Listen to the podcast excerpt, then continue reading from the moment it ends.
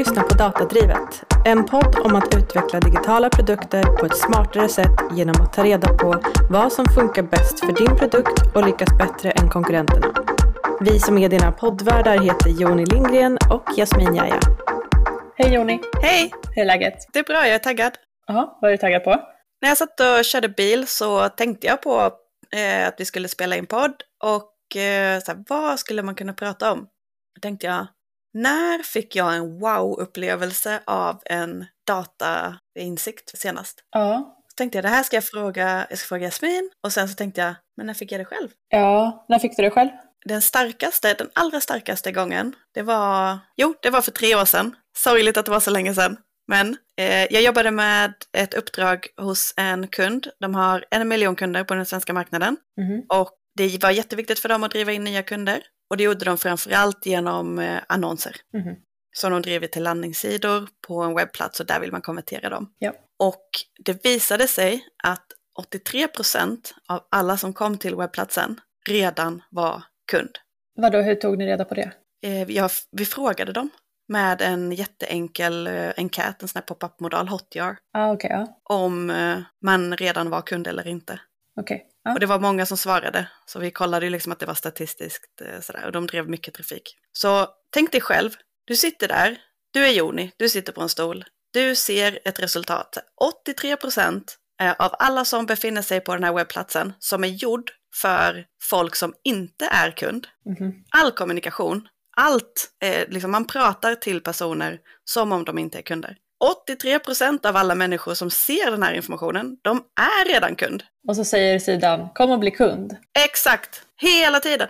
Och du har, och det har inte bara den här insikten och varför den var så kraftig eh, för mig, det var ju inte bara för att så här, oj, det finns en massa potential här, man behöver göra någonting, utan också, vad, hur ska jag kommunicera den här informationen i den här organisationen på ett sätt som liksom för det fanns en hel marknadsorganisation, en hel säljorganisation, en inhousebyrå. Hela den här organisationen är liksom uppsatt kring att skapa den här kommunikationen. Mm.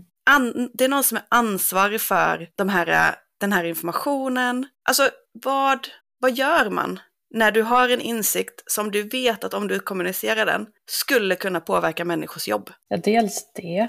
Och också eh, den enorma mängd pengar som de la på att annonsera också. Ja, exakt. Ja, det är så mycket. Det, det är så många konsekvenser av den här eh, lilla, lilla datapunkten. Ja. Så det första jag gjorde, det var att gå till eh, analysteamet. För jag var lite rädd för den här insikten. Jag var, det, var, det kändes så viktigt att eh, verkligen stämma av tre extra gånger att så här, ja, datan är samlad på ett sätt som gör att vi kan lita på den. Jag har använt den på ett sätt som stämmer. Liksom, jag har tolkat den rätt.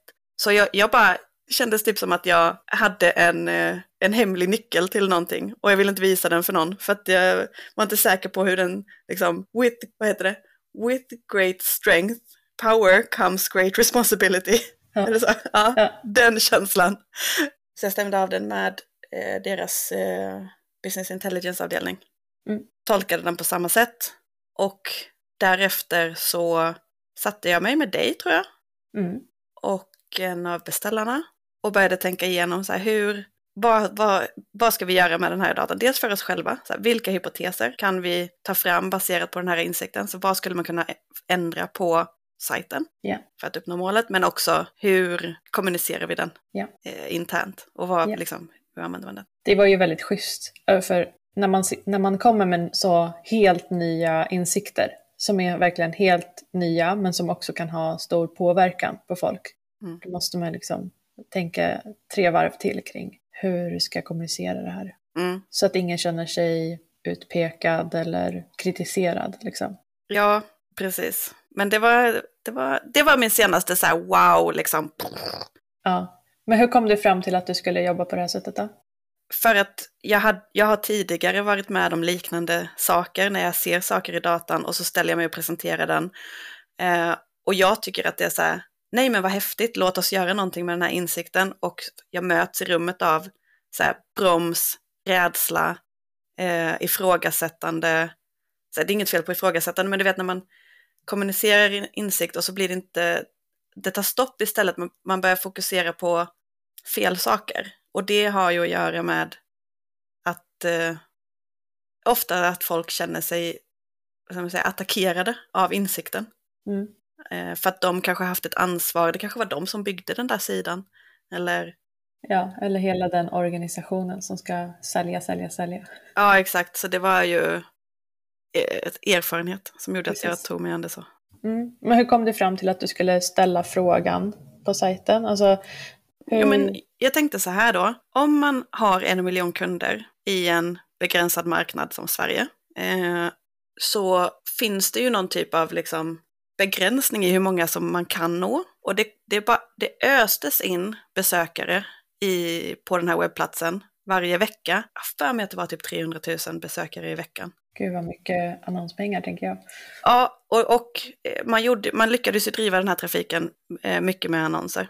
Och man hade en konverteringsgrad som var låg, runt 1 procent. Mm. Så då tänker jag så här, vad är det som gör man inte liksom kan öka konverteringsgraden här? För de hade jobbat länge med konverteringsoptimering innan jag, eh, kom in där. Så då tänkte jag, jag behöver ta reda på vilka är det egentligen som befinner sig på den här sajten. Och om man har så många kunder redan, skulle det kunna vara så att väldigt många redan är kund och att de är där i ett annat syfte än att köpa. Och då, då vill jag, då, för att ta reda på det så måste man ju ställa frågan. Så då använder jag Hotjar. Mm. Wow, okej. Ja, det här kan ju vem som helst göra egentligen. Mm. Eh, Det jag tyckte var så himla coolt var ju att du faktiskt ställde frågan. Alltså, eh, min, min go-to hade varit att så här, okej, kan vi på något sätt se i vår befintliga data att folk redan är kunder? Mm. Medan du bara, nej men alltså, låt oss fråga dem bara. Ja, alltså hade det varit en produkt som var byggd på det sättet att folk uppmanades att logga in eller liksom att man, just den här webbplatsen och den här produkten var inte byggd på det sättet så den datan fanns inte. Hade datan funnits hade jag också haft en go-to och vi hade ju redan kollat det. Så det var liksom, nej, vi har kollat, där får vi inte veta den saken, hur ska vi då gå tillväga? Men också för att eh, jag hade jobbat på ett annat företag tidigare där vi hade använt en enkät eh, i det formatet. Eh, och då, då hade vi faktiskt kopplat svarsalternativen till Google Analytics så att man kunde också skära i datan så baserat på att man sa att man hade en särskild roll eh, så kunde vi titta på beteendet för just den rollen. Eh, vi försökte få till det med Hotjar. Eh, där. Det kanske man kan nu, då kunde man inte det. Men eh, det hade ju varit ännu trevligare. Coolt. Ja, jag fattar att du tyckte att det var wow. Eh, vad hände sen då? Jo, men man fick ju göra om hela organisationen eh, för att ta sig... Man behövde ju möta de här 83 procent är redan kund. Var, var, varför kommer de till webbplatsen? Varför, kom, varför är det så viktigt för dem att de till och med klickar på en annons för att komma till webbplatsen? Hur tar vi hand om dem? Vad är det de vill? Så först var, var vi tvungna att ta reda på vad, vad vill en befintlig kund som kommer in och in och in igen. Även fast det kanske inte fanns någon uppenbar, liksom, vi visste inte då varför de kom tillbaka, men så vi var tvungna att ta reda på det. Och eh, sen så eh, fick vi ju förändra hur vi byggde digitala produkter som mötte deras eh, behov. Och ett produktteam som bara liksom jobbade med det, det var jättehäftigt. Mm. Och den, den här eh, förändringen kom ju tack vare att den här informationen helt plötsligt fanns nu. Ja. Det tog ett tag, absolut. Men alltså, ja men det var en sån riktig guldklimpsinsikt. Mm. Coolt. Ja. Har du någon? Ja, men jag kommer berätta om den nästa gång. Okej. Okay. Men det vore jättekul att höra om någon liksom, som lyssnar har någon liknande, alltså så här, vad är eran wow, wow-insikt? Ja, skriv till oss på LinkedIn eller kommentera ja. på eh, poster som vi har. För det, måste, det, det behöver vi ju dela med, kanske någon som vill hänga, liksom prata i podden. Ja, se till om ni vill vara med. Ja. För jag, om... jag, kan faktiskt tycka att det blir, ofta så blir det väldigt teoretiskt när man pratar om datadrivet. Så här, vi ska göra detta, man måste, bla bla bla. Det är så kul att höra om de här, så här, men den här insikten gjorde att vi fick den här hypotesen, eller gjorde att vi testade det här, och då hände det här. Det vill jag höra. Mm. Ja, grymt. Skriv till oss på LinkedIn. Bye! Bye! Du har lyssnat på Datadrivet. Har du frågor kring att jobba datadrivet? Då får du gärna kontakta oss på LinkedIn. Där heter vi Joni Lindgren och Jasmin Jaja. Dela gärna avsnittet med någon du tror skulle bli glad av att lära sig mer om att jobba datadrivet. Screenshotta när du lyssnar på podden och skicka bilden till personen.